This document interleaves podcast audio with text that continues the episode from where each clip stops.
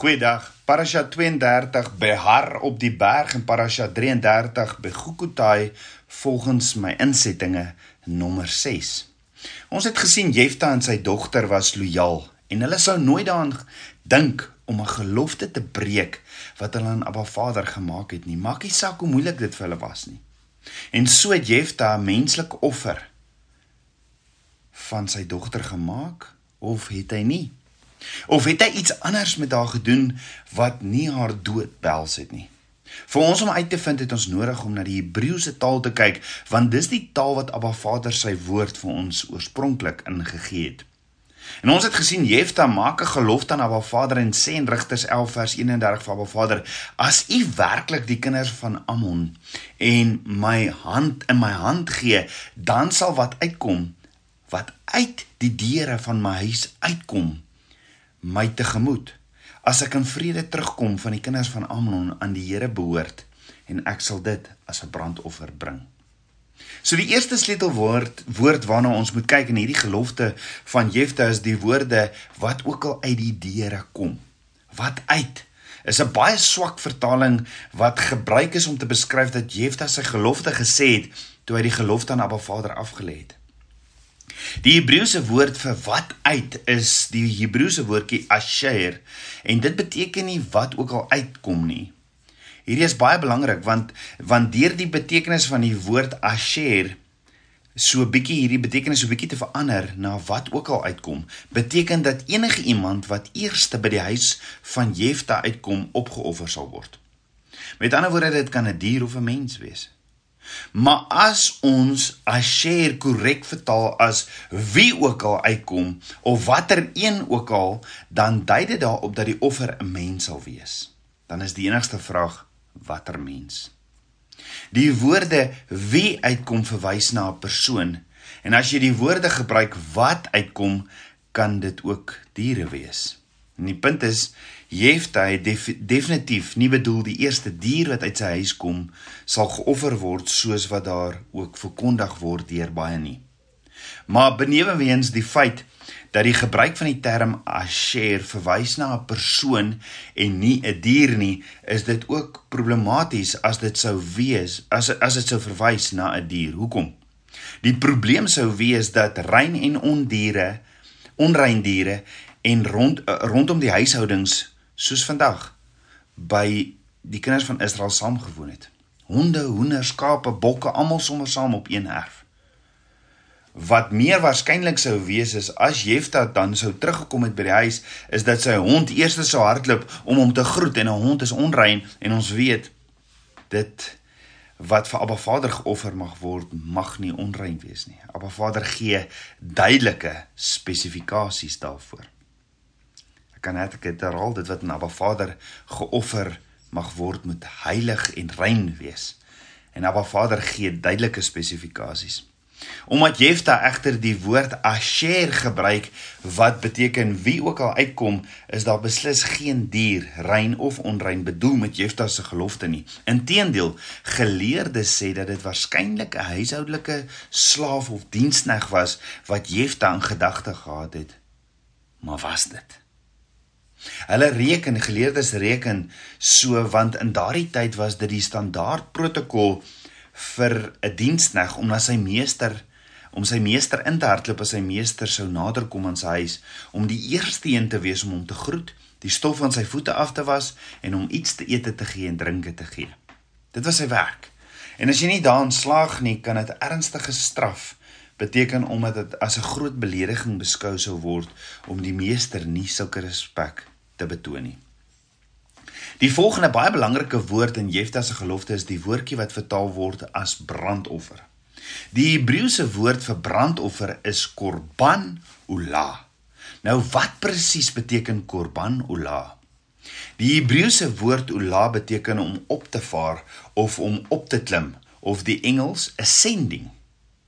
Die Hebreëse woord korban beteken om 'n intieme nadering tot 'n verbondsvernoot te maak. Met ander woorde om 'n korban olaf Abba Vader te maak is 'n intimiteitsnadering tot Abba Vader om soos 'n klein seentjie vir sy pappa te sê oppie, oppie. Met ander woorde op in pappa se arms. Om op te kyk maar maar uh, om op te klim en op te kyk en te sê op hier maar maar Ulam beteken ook of korban kor, uh, bete, korban ulam ula beteken ook om weer op te staan tot 'n nuwe lewe met groter betekenis. Kan ek dit herhaal? Om weer op te staan tot 'n nuwe lewe met groter betekenis, met meer kommunikasie en met 'n meer effektiewe diens vir Abba Vader. Korban Ola skets 'n Hebreëse prentjie van iemand wat 'n houding het wat wil opstaan in volkomme onderdanigheid aan Abba Vader. Dis 'n prentjie van totale oorgawe aan sy wil en sy weë en om vrywilliglik enige iets te doen vir hom. Met ander woorde om diensbaar te wees al loop jy deur diep waters of deur vuur, dit alles uit pure liefde wat brand in jou hart vir Abba Vader. Maar hoor gou-gou.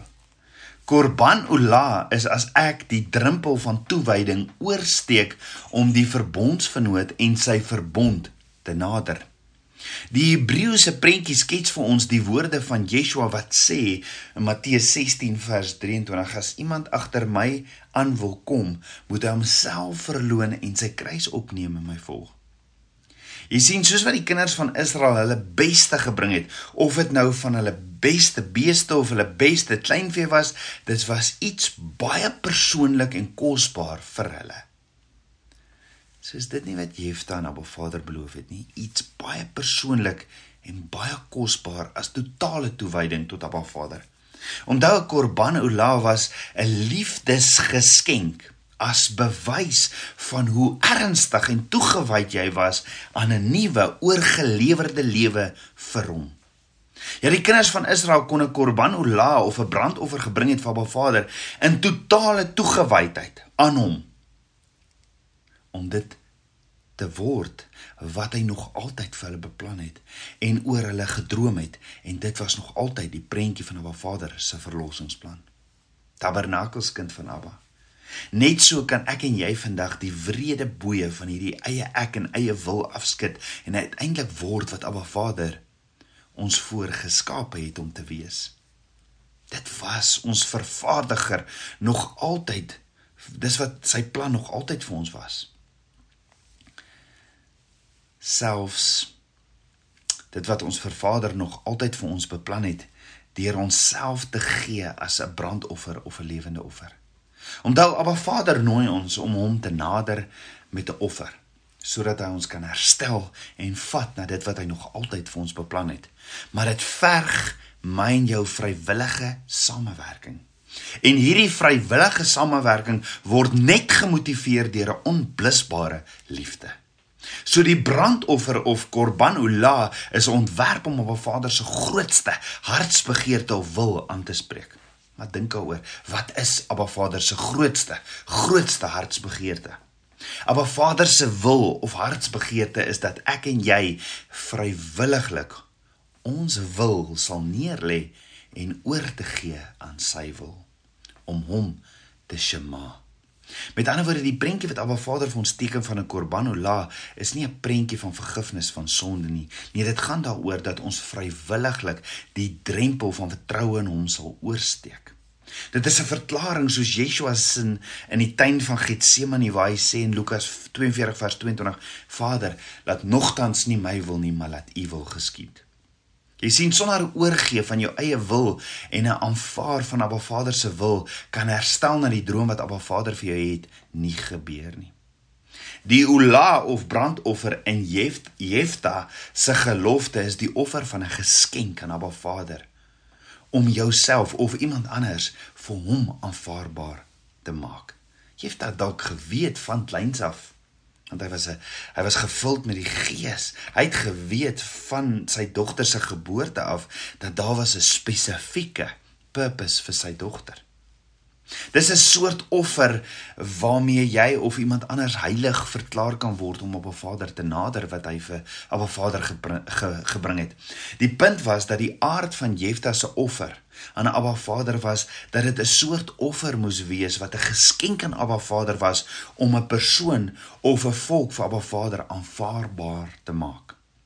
Jy sien of dit werklik op 'n altaar opgebrand moes word nadat dit aangebied was, was tegnies nie 'n vereiste van 'n ola of 'n brandoffer nie. Maar laat ek dit weer sê, die woord wat Jefta in sy gelofte gebruik as 'n brandoffer of 'n ola is 'n baie spesifieke soort offer. Nie net een of 'n ander algemene aanbod om iets aan Abba Vader te gee nie.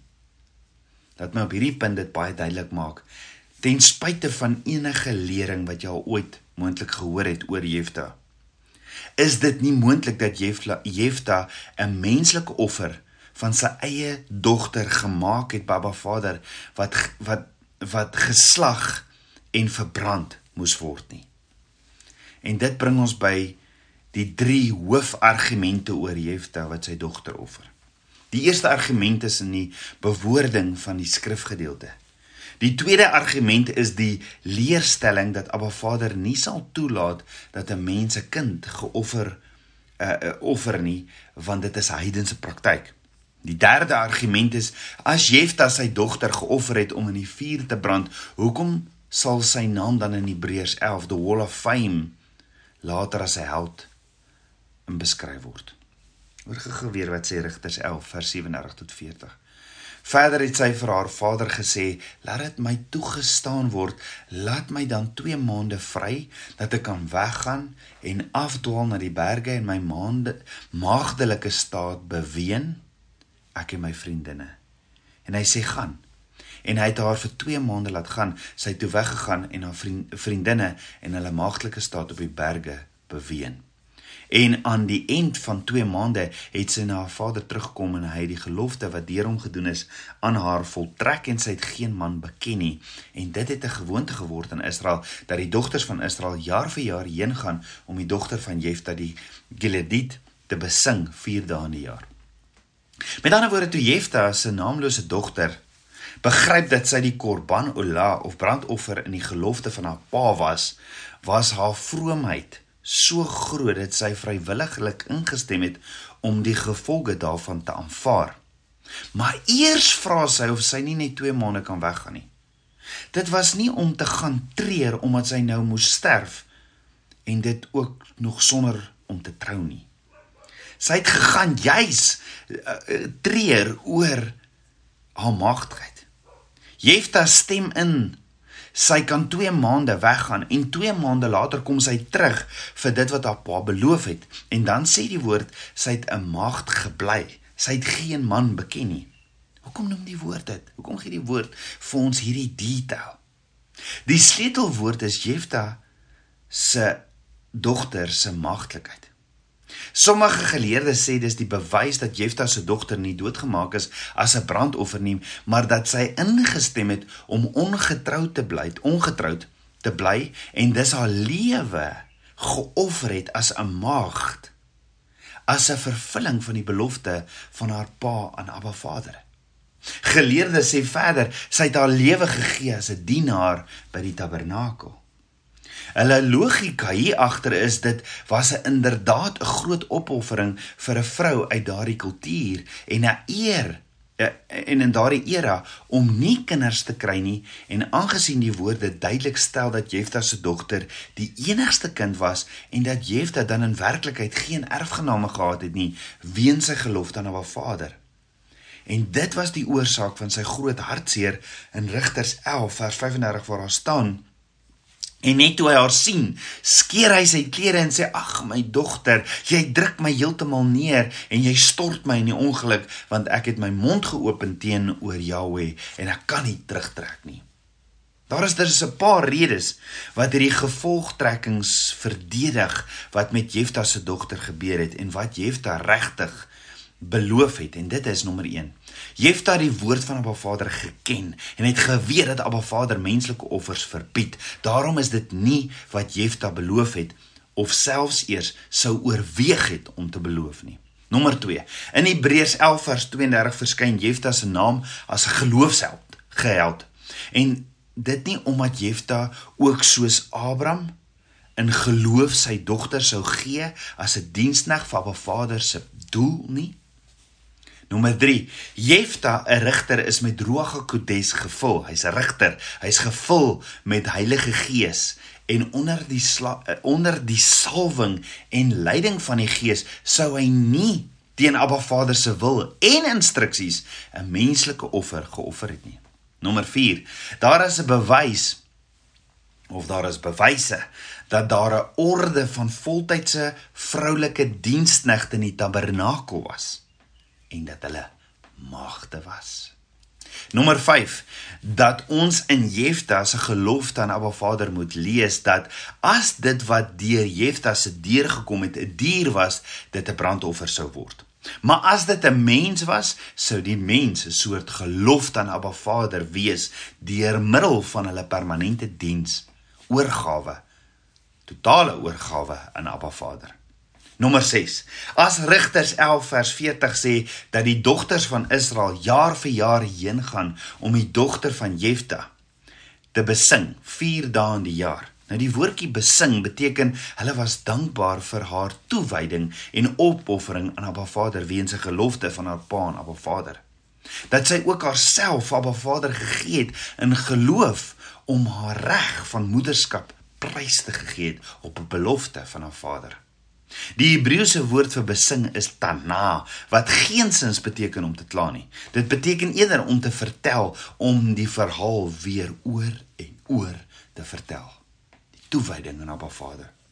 Op die einde is die besluit by my en jou. Wat dink jy het Jefta aan Abba Vader beloof?